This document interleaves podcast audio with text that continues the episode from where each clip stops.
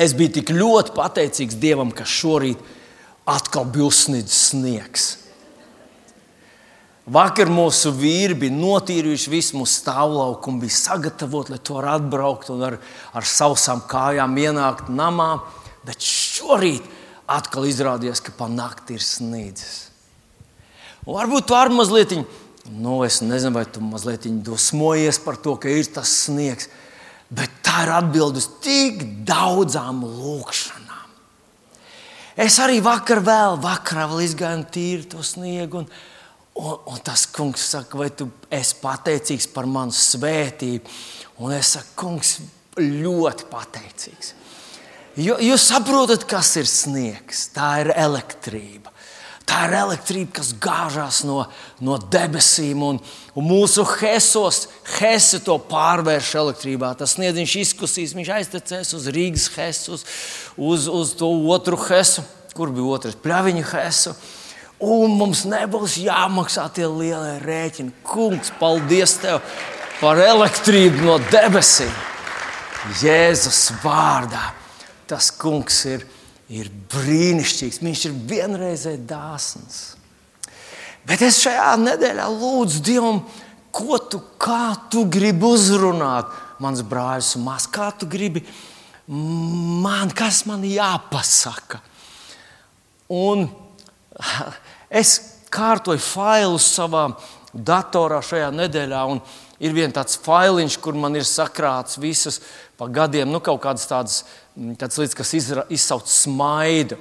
Un man uzmanību pievērs viens tāds, mm, tāds, tāds, nu, tāds uh, fragmentiņš, kur bija izrakstīti tekstiņi, kas izrakstīti no vienas sieviešu, um, um kā to sauc, kur bija fórums, sieviešu moto, tāda sieviešu šoferu fórums. Un tur bija dažādas, dažādas domas, kuras sievietes jautā vienotrai, un kam viņi izsaka kaut kādas savas. Viens, tas, kas man palicis atmiņā, ir viena sieviete, tur bija ierakstījusi, vai kāds var pateikt, kā izslēgt mašīnu. Tāda sieviete ir ļoti, ļoti nu, tehnoloģiski attīstīta, un kad viņa kaut ko nezina, ir iejaukta fórumā. Un, un sievietes, protams, dalās ar, ar, ar, ar atbildēm. Bet man uzmanību piesaistīja kāds, kāds tāds, tāds jautājums ar, ar reizē ar tādu situācijas paskaidrojumu. Un kāda sieviete rakstīja tā, jau divus gadus esmu pie stūres, bet braukšanas prieku vēl neesmu izjutusi. Vai es kaut ko daru nepareizi? Nu, kad es to izlasīju, es tā uzreiz pie sevis domāju, nu, jā, sieviete pie stūres. Ziniet, es esmu krasi mainījis savu attieksmi pret to, jo parasti ir tā, kad es izbraucu pirmais no mājas. Un mēs sarunājam ar sievu, ka šodien mums jābrauc katram ar savu mašīnu, jo viņa paliks ilgāk, vai viņai vēl kaut kas ir. Tad es izbraucu pirmais. Bet, kad es atbraucu šeit un iebraucu iekšā, tūdaļ man aiz muguras iebrauc mans dzīves draugs. Mana sieviņa. Un es vairs nevaru, nevaru apgalvot, ka vīrieši brauc labāk. Vienīgi varbūt vīrieši izjūt to braukšanas prieku stiprāk. Bet vai tiešām jūs izjūtat prieku? Manuprāt, Nu, vismaz es tā sevi pieķēru, ka es vairāk līdzinos tam ukrāņu tankistam, kurš brauc pa ielu, mēģinot pasargāt to savu automobīlu no prettanku mīnām, kas ir bedres mūsu gadījumā. Un viena otra iela ir tik ļoti nomīnēta, ka, ka, ka pa tām vairs nevar braukt.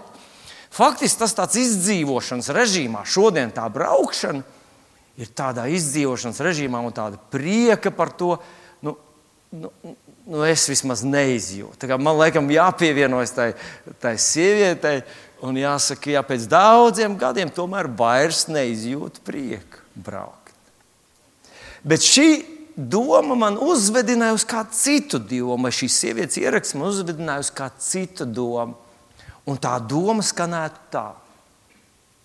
Jau divus gadus esmu kristietis, bet neesmu izjutis ne mieru, ne prieku, ne drošību par glābšanu. Vai es kaut ko daru nepareizi? Nu, varbūt tu esi, tu teiksi, es esmu četrus gadus kristietis. Varbūt kāds teiks, es esmu 20 gadus kristietis, bet man nav ne prieka, ne miera, ne drošības par glābšanu. Šodien es gribētu apgalvot, ka tu kaut ko dari nepareizi. Un man ļoti, es ļoti ceru, ka pēc šī dievkalpojuma tu sapratīsi, kas tad ir jāmaina. Nu, aizskrienot notikumiem priekšā, es teikšu, ka tev ir daudzas lietas, kuras tu dari nepareizi. Ja tu varētu iebikstīt tam, kurš sēž tev blakus un teikt, to viņš par maniem teica. Jā. Jo redz, tāpēc jau mēs nākam, mēs ļaujam, lai Svētais Gars mūs uzrunā, ka mēs gribam kaut ko izmainīt atkal un atkal un atkal, vai ne? Vai ne? Vai ne? Daļa neatbild man. Mēs gribam mainīties. Mēs ejam no spožuma uz spožumu, no ticības uz ticību. Mēs lūdzam, kungs, mēs gribam piedzīvot šo transformāciju. Bet šodien mēs paskatīsimies tātad šajā griezienā. Nu, pirmā raksturvieta, ko šajā sakarā man ir jārāda, kas ir tā tāda axioma, tā ir no Romas vēstures 14. nodaļas, 17. pāns. Tad Romiešiem 14, 17, kur apelsīns Pāvils saka, tā, jo Dieva valstība nav ēšana un dzeršana, bet taisnība, miers un prieks svētajā garā. Tātad Dieva valstība nav ēšana un dzeršana, bet taisnība, miers un prieks svētajā garā. Nu, vai Dieva valstība ir taisnība, miers un prieks un nekas cits? Man personīgi, un iespējams, tev ir līdzīgi, man ļoti gribētos pievienot vēl vismaz dažas lietas, kas, manuprāt, ir vitāli svarīgas, kas ļoti raksturo Dieva valstību.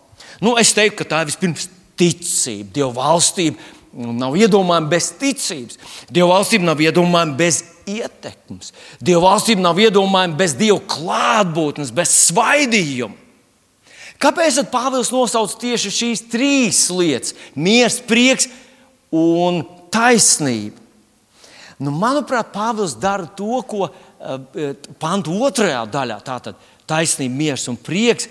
Uh, viņš dara to pašu, ko darīja pantu pirmajā daļā.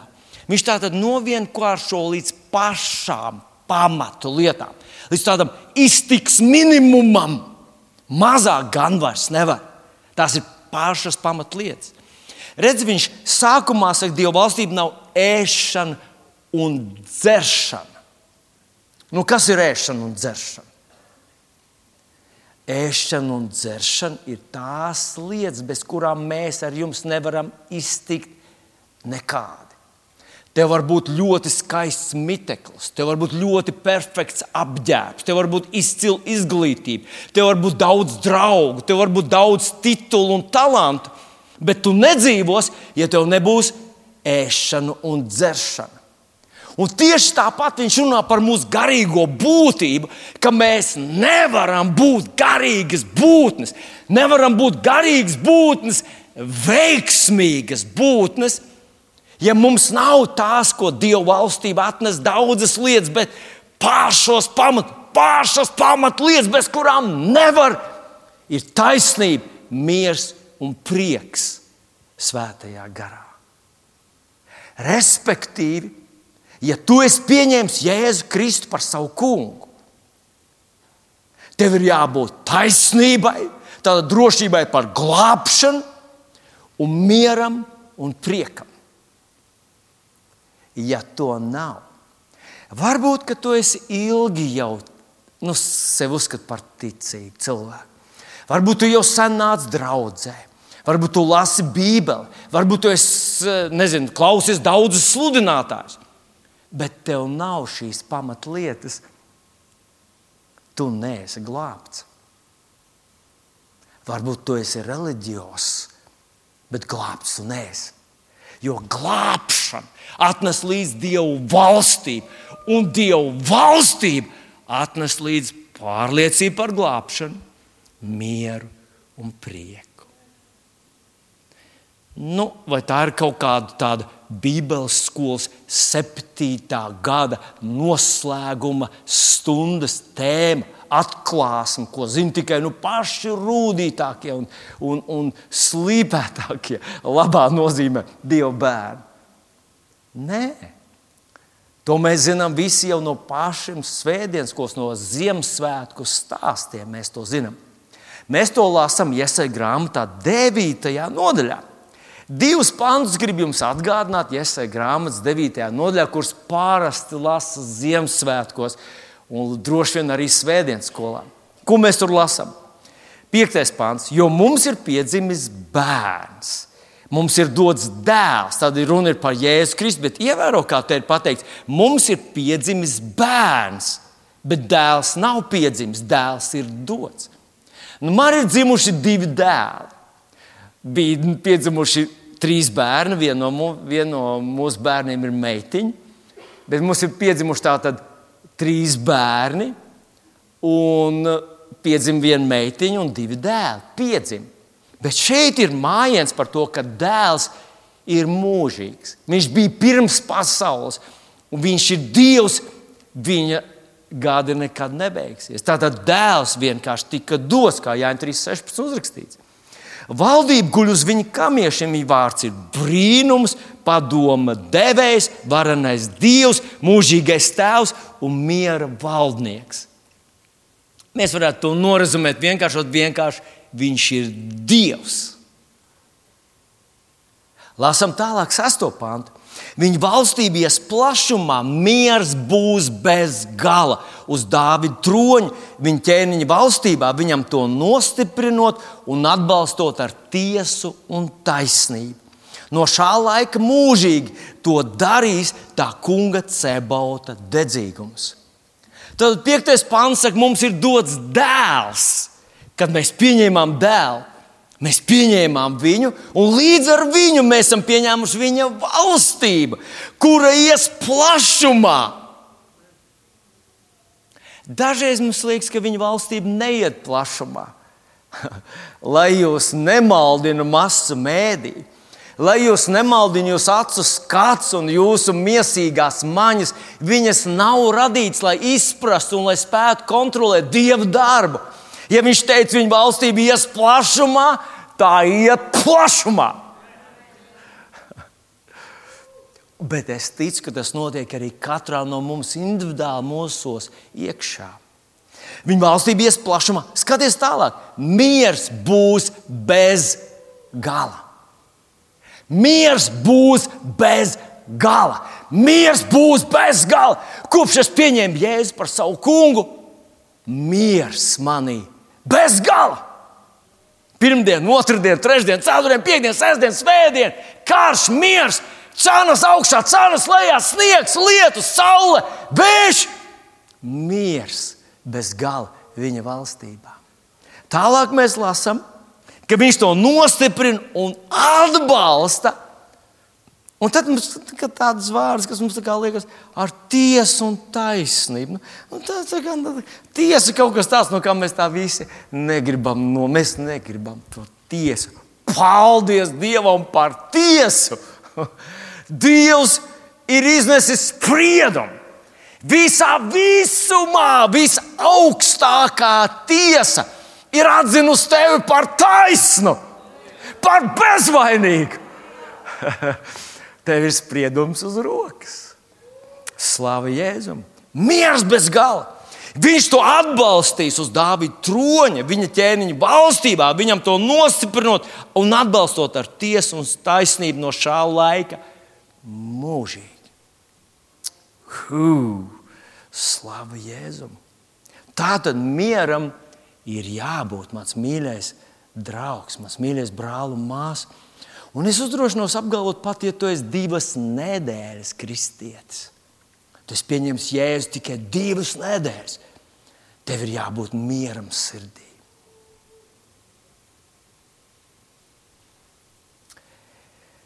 Paklausies!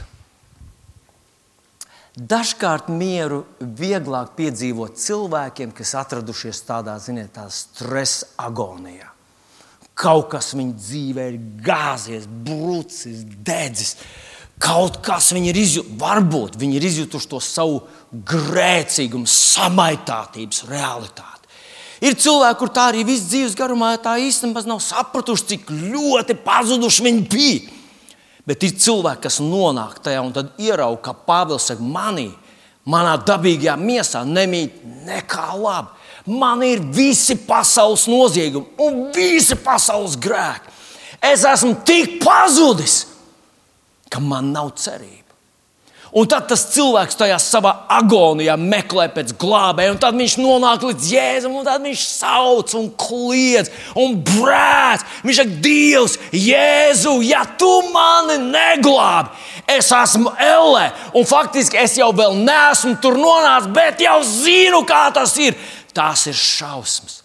Un tad pēc viņa šis izmisīgais, šis palīgās sauciens atraist šo dievu palīdzību un pestīšanu. Un tās agonijas vietā pēkšņi viņa sirdī ienāk miers. Un tad tas cilvēks saka, wow! Es zinu, es esmu glābts, jo toreiz es degu, nu es plaukstu. Toreiz es biju pilnīgi agonijā, nu es esmu pilns cerības un miera. Bet varbūt cilvēks nav to piedzīvojis. Varbūt viņš no bērnības ir vests kristīgi vecāku ģimene, draudzē, bijis skaitījis lūgšanas, dziedājis visas tās dziesmas, pasargāts no tik daudzām mēsliem, kuros nav iekāpts. Jūs atcerieties, ka jūs kādreiz iekāpjat mēslos, vai dienu, jūs nezināt, kā no viņiem tikt vaļā. Viena grēcīga cilvēka dvēsele pilna ar mēsliem, no kuriem viņš pats nespēja tikt vaļā. Viņš grēko vairs ne tāpēc, ka ir pieradis, bet tāpēc, ka tas ir viņu visas personības saindēts, ka viņš pēc savas dabas ir grēcinieks. Un viņš sauc uz Dievu, un Dievs viņu izglāb. Tā tad iespējams, ka tādam cilvēkam ir vieglāk, kādam bijušam slepkavam, vai, vai kādam, kurš ir bijis līdz baltajām pelēm nodzēries, vai kurš ir pārdevis, pametis, pievīlis, piečakarējis visus savus dzīves tuvos un dārgos cilvēkus. Un tad viņš atzīst savu bankrotu, un viņš sauc uz debesīm, un atnāk šis miers. Un viņš saka, man ir. Bet, ja nu Ja nu es neesmu tādā agonijā bijis, esmu labi audzināts, domāju, ka es neesmu sliktāks par citiem, tad daudz maz tā kā. Vai manā sirdī jābūt mieram? Vai varbūt man jāiet meditācija, kaut kur papraktizēt? Un, zinu, tas ir biedējoši, ka šodien kristiešu vidē populāri kļūst meditācija. Kristieši saka, jā, es biju uz dievkalpojumu, bet rīt es iešu pie psihologa, meditācijas skolotāja. Viņš man iemācīs, un, un es atradīšu sevi un mierīgāks palikšu. Es tā vietā, lai saņemtu mieru no Dieva, kā viņš teica, viņa valstībā, miers bez gala. Dievs savā dedzībā saka, es nesu mieru. Viņš Viņš ir mieru, viens no viņa vārdiem ir Jahve, Šalom. Dievs ir miers! Cilvēki, man, man jādara, lai es dabūtu mieru, man vajag elpošanas vingrinām izdarīt. Nu, es absolūti piekrītu, ka jāelpo ir. Es to absolūti elpot vajag. Un iespējams, ka vajag dziļāk elpot nekā mēs to seklu elpošanu, kur mēs ikdienā darām bet lai elpošana atnestu mieru, lai man būtu jāiet pie psihologa vai psihiatra vai, vai kāda tur, vai man vajadzētu kaut kāds nomierinātājs vai, anti, anti, vai, vai prodepresantus dzert, lai man būtu miers sirdī. Nu, es šobrīd neielaužos iekšā kaut kādās doktora un pacienta attiecībās. To es negribētu darīt. Bet, manuprāt, kļūst par tādu pandēmija, kristieši meklē mieru tur, otrā pusē. Un tad man nāk prātā šādās reizēs, kad es dzirdu, ka kristietis iestur tādu meditāciju, un viņš tur tādu praksi kaut kā tur sadedzinās, visus tos celmā, saliks iekšā visas savas negācijas, un tad to sadedzinās kamīnā, un tad būs miers, un viss būs aizmirsies. Jānis saka, ja, kāds, atz, ja mēs atzīstamies savos grēkos, viņš ir uzticīgs un taisnīgs, ka viņš šķīsta dvēseli. Die, atļauj Dievam to darīt. Bet man nāk prātā viens puisis, kurš tas bija vēl Baptistu draugā, sēna atpakaļ. Viņš izteica tādus vārdus.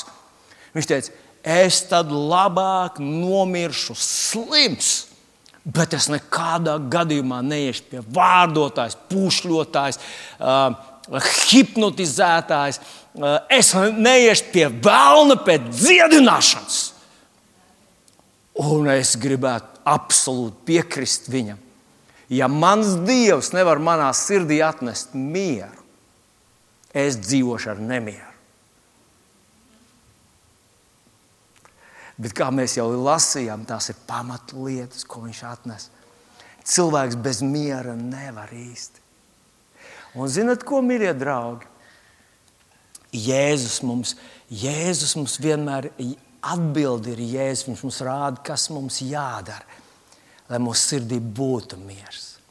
Šis stāsts vai šī ilustrācija uzrakstīta Jāņa Evanģelijā 21. nodaļā. Un es lasīšu šeit no 15. panta un uz priekšu, bet drusku gribu pastāstīt jums pirms tam, kas ir noticis, kas tā par situāciju ir, visu to kontekstu. Tad vispirms Jēzus jau ir stāstījis mācekļiem par savu krustu nāvi. Viņš jau ir ticis nodots, viņš jau ir ticis sists, viņš jau ir ticis spīdzināts. Pat ja mācekļi to neredzēja, tur bija cilvēki, kas bija klāt kas to redzēja, viņi atstāstīja krāsainiem vārdiem, kā viņš tika sasists, kā viņi sauc uz debesīm un cerēja, ka zibens satrieks viņas sitējus un spīdzinātājus. Bet zibens neatnāca, jo Dievs bija uzkrājis visus mūsu, tavus un manus grēkus viņam. Mācekļu sirdī tas rezonē tik ārprātīgi smagi. Viņam likās, Dievs, tā nevar būt. Tāda sajūta, kā Jēzus saka, 53. ka Dieva satriekts un nomocīts. Un viņš tiešām tāds bija. Un tad viņš tika piesists krustā, viņš tur mocījās smagdams.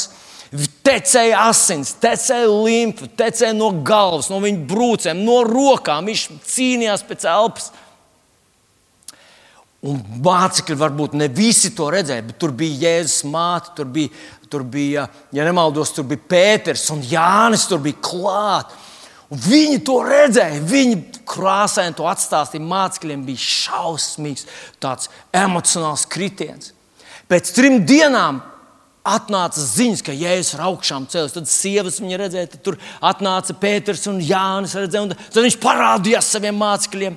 Vārds, ko Un tik un tā, kaut arī atnāca tās ziņas, viņi bija satikuši savu kungu pēc augšām celšanās. Viņš vairs nebija ar viņiem. Viņš tikai parādījās viņiem kādā situācijā. Un tad kādā reizē Pēters saka, esiet! Viņš nezināja, ko darīt tālāk, kā rīkoties. Vēl nav apakstuļu darba pirmā nodaļa, kur viņš saka, palieciet Jeruzalemē. Vēl nav konkrēti nekādu norādījumu dot, un Pēters saka, es iešu zvejot. Un pārējie mācekļi saka, mēs iesim tev līdzi. Un viņi dodas visi zvejot. Un šī ir tā reize. No rīta, kad viņi atgriežas visu nakti zvejojuši, viņi nobrauc pie, pie Tiberijas jūras, Tiberijas ezera, piebrauc Tiberijas ezera krastā. Tur Jēzus nāk. Viņi nezina, kas tas ir Jēzus. Un viņš saka, bērniņi! es, man ir, man ir nu, jūs jau zināt, man, cik man gadu. Ja? Es nedrīkstu to vēlreiz atkārtot, bet, uh, ja tu atnāktu man teikt, dēliņ, man būtu jādomā, kas mums par attiecībām ir. Bet Jēzus atnāk, tur viens otrs no tiem mācekļiem ir nu, krietni vecāks par Jēzu. Vismaz Pēters noteikti bija krietni vecāks. Un viņš saka, bērniņi, vai jums ir ko ēst? Un šie saka, nav. Un ko viņš viņam saka? Izmetiet tīklu par laivas labo sānu.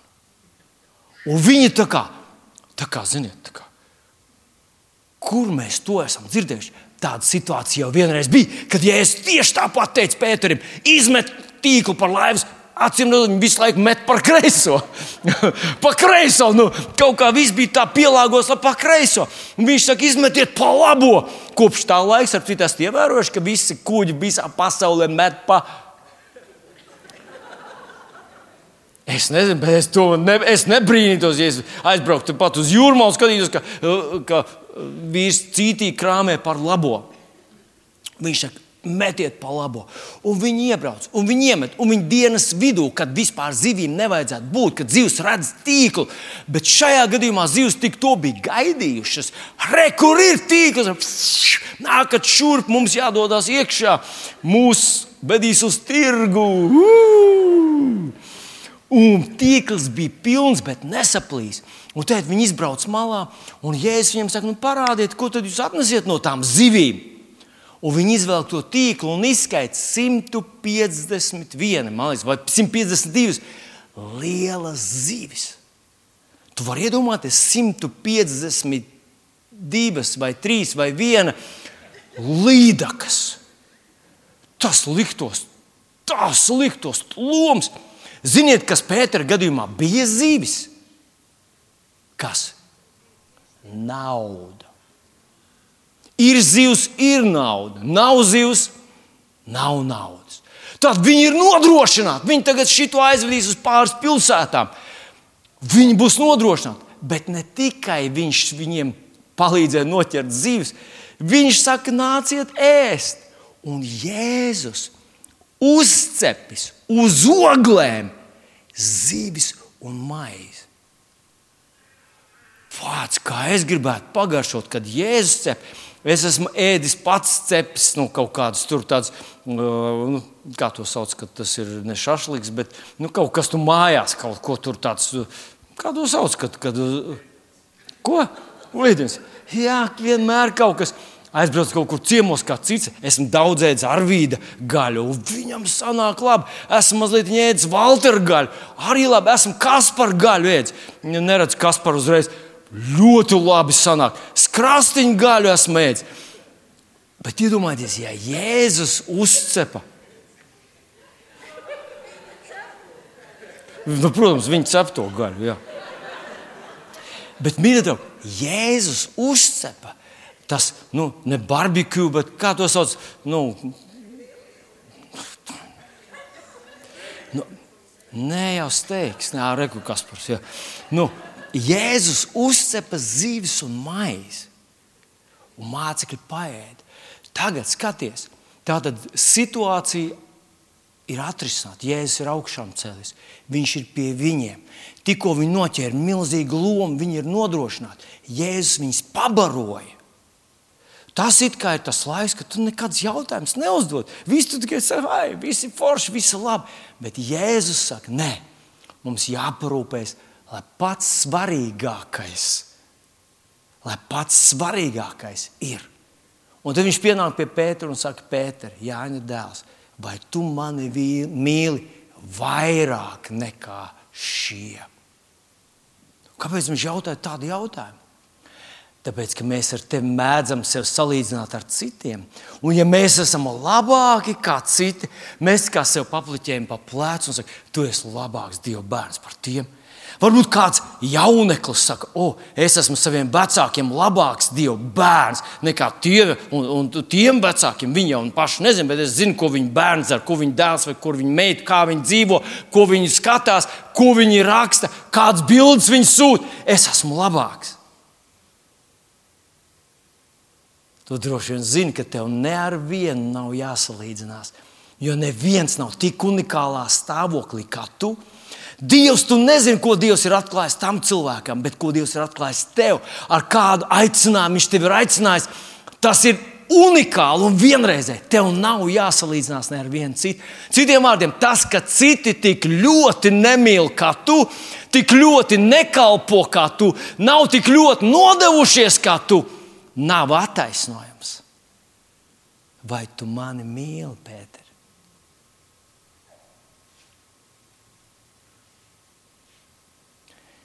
Šajā rītā Jēzus gribētu piestāties pie tevis. Ieskatīties tavās acīs un pajautāt tev, vai tu mani mīli.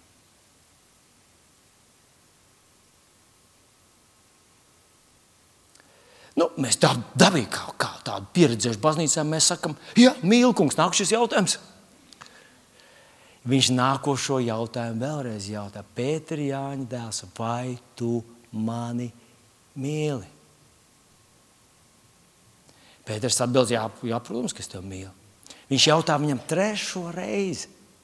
Trešo reizi viņš jautā Pēterim, Pēter, Jāņa dēls, vai tu mani mīli? Redziet, par maz ir tas, ka viņš bija Kristus mācekļu pulkā. Par maz ir tas, ka viņš bija klāt pie viņa krustā sišanas. Par maz ir tas, ka viņš bija pie tukšā kapa. Par maz ir tas, ka viņš bija kopā ar Jēzus mācekļiem, viņš, viņš svinēja viņa augšām celšanos. Par maz ir to, ka viņš tikko piedzīvoja brīnumu, ja uz Jēzus uzticējās Jēzus vārdiem, meta to tīklu pa labo pusi. Par maz ir tas viss ka viņa arī tās vajadzības ir apmierināts. Vajadzēja kaut kam būt vēl pašam pamatam. Un viņš jautā, vai tu, Pēter, vai tu Ilzi, vai tu Sandra, vai tu kāds ir tavs vārds? Šajā rītā viņš jautā tev, vai tu mani mīli? Un, ziniet, es pie sevis padomāju, toreiz Pēterim bija grūti. Jēzus stāvēja viņa priekšā. Tu nevarēji kaut ko pateikt, tu nevarēji vienkārši izlocīties, tu nevarēji vienkārši skriet tālāk. Skriet jau varēja. Tas jau ir tas, ko mēs darām. Un bieži vien kristieši tas ir tas, ar ko mēs kompensējam to, ka mums nav miera, prieka un nav pārliecības par glābšanu. Mēs vienkārši kompensējam to ar kristīgu skriešanu. Mēs skrienam, auļojam pa dzīvi. Bet, es tev šodien apstāju un saku, vai tu mani mīli? Es gribētu, lai tu viņam ieskaties acīs un atbildi. Atbildi, vai tu viņu mīli vai nē. Bet kā es varu Jēzum šodien ieskatīties acīs? Kā es varu ieskatīties acīs? Varbūt es nevaru ieskatīties, bet kā es varu paskatīties viņam sejā un pateikt? Ka es viņu mīlu. Kā es to varu, kā praktiski es to varu izdarīt? Nu, ja mācīties apstādināt, nelaist mūs visus prom un teikt, tā tagad sēžam šeit, tam ir vajadzīgs laiks. Ap pulkstenes pieciem es jums vēlreiz pajautāšu, tad jūs man atbildiet, ko jūs atbildējat Jēzum. Nu, tā varētu, bet laikam tas īsti nestrādās. Ir jābūt kaut kādai metodei, kas mums ļauj nonākt šajā vietā, ko kas ir uzrakstīts priekš mums. Tā nav uzrakstīts priekš Pētera, uzrakstīts priekš mums. Un paskatieties, ko viņš te tālāk saka. Jāņa Evanģelijā 14. nodaļā Jēzus saka šādus vārdus: Kas mani mīl, tas manus vārdus turēs. Un mans tēvs to mīlēs, un mēs nāksim un ņemsim pie viņa mājas vietu. Kas mani mīl, tas manus vārdus turēs. Citiem vārdiem, kas mani mīl, tas manus vārdus mīlēs. Un, mēs, un mans tēvs to mīlēs, un mēs nāksim pie viņa, ņemsim pie viņa mājas vietu. Tā tad Dievs, kurš ir Jahve Šalom, vai Dievs, kurš ir miers, mājo tā sirdī, kurš mīl viņa vārdu. Respektīvi, kā es varu pateikt, ka es mīlu Jēzu, kad es mīlu viņa vārdu, kad es respektēju viņa vārdu, kad es apstājos un iedziļinos un ļauju tam vārdam man uzrunāt, un es atbildu vārdam. Mans mīļais brāl un māsa, ļauj man pateikt, tā vienkāršot, kādas ir tavas attiecības ar Kristus vārdiem. Tādas ir tavas attiecības ar Kristu. Ja tu mīli viņu vārdu, ja viņa vārds ir priekš tevis tā tāds, nu, nu, ikdiena, viņš ir klātesošs. Ja viņa vārds uzrunā tevi un vada tevi un stiprina tevi, hei! Tad tu mīli Kristu. Tu vari atbildēt viņam, jā, es mīlu tevi. Un, ja tu viņu mīli, tad Tēvs tevi mīl. Un, ja es saku, mēs ņemam mājas vietu pie viņa, tāda cilvēka dvēselē ir miers.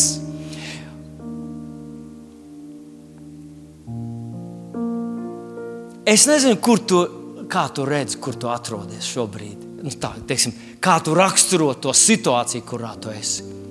Bet ļauj man pateikt, kā es redzu tavu situāciju.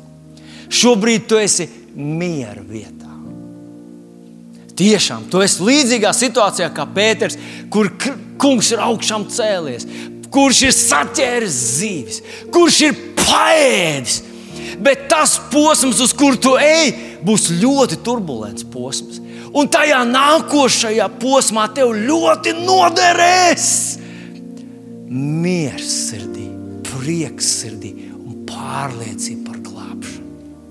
Tev to vai bez tā tu neizturēsi, bez tā tu neaizies līdz galam, bez tā tu nevarēsi noturēties uz kājām. Tev vajag mieru, prieku un glābšanu. Mieru, prieku un glābšanu. Kā es to varu iegūt? Kad es mīlu viņu vārdu, man ir attiecības ar viņu vārdu. Man nāk prātā Jāņa Evanģelē 14. nodaļā. Desmitajā pāntā, kur Jēzus saka, Filipam tāds vārds, tik ilgi es jau esmu ar jums, Filip, un tu neesi man vēl sapratis, kas man ir redzējis, tas ir redzējis tēvu.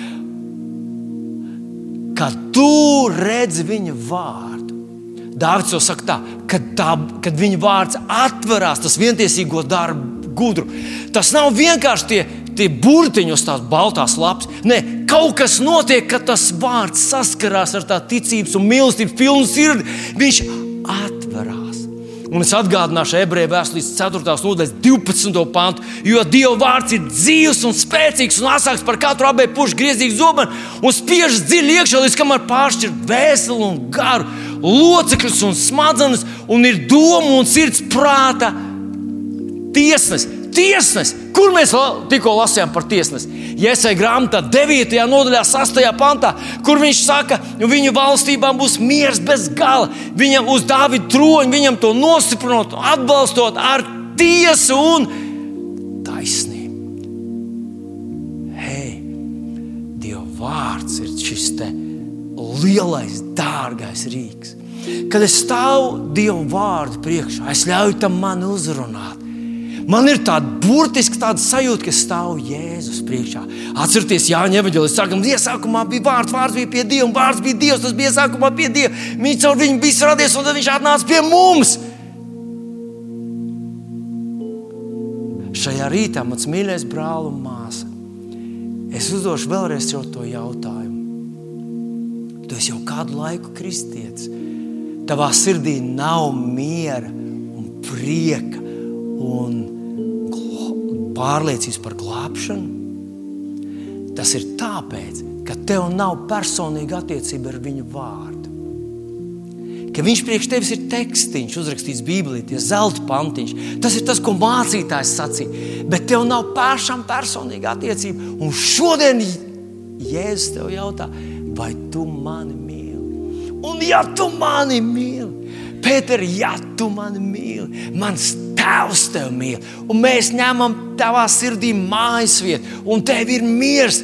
Tu vari doties uz kāru zonu, tu vari doties uz mieru zonu, tu vari doties uz atvaļinājumā, tu vari būt evangelizācijas uh, misijā, bet tavā sirdī vienmēr ir miers un prieks.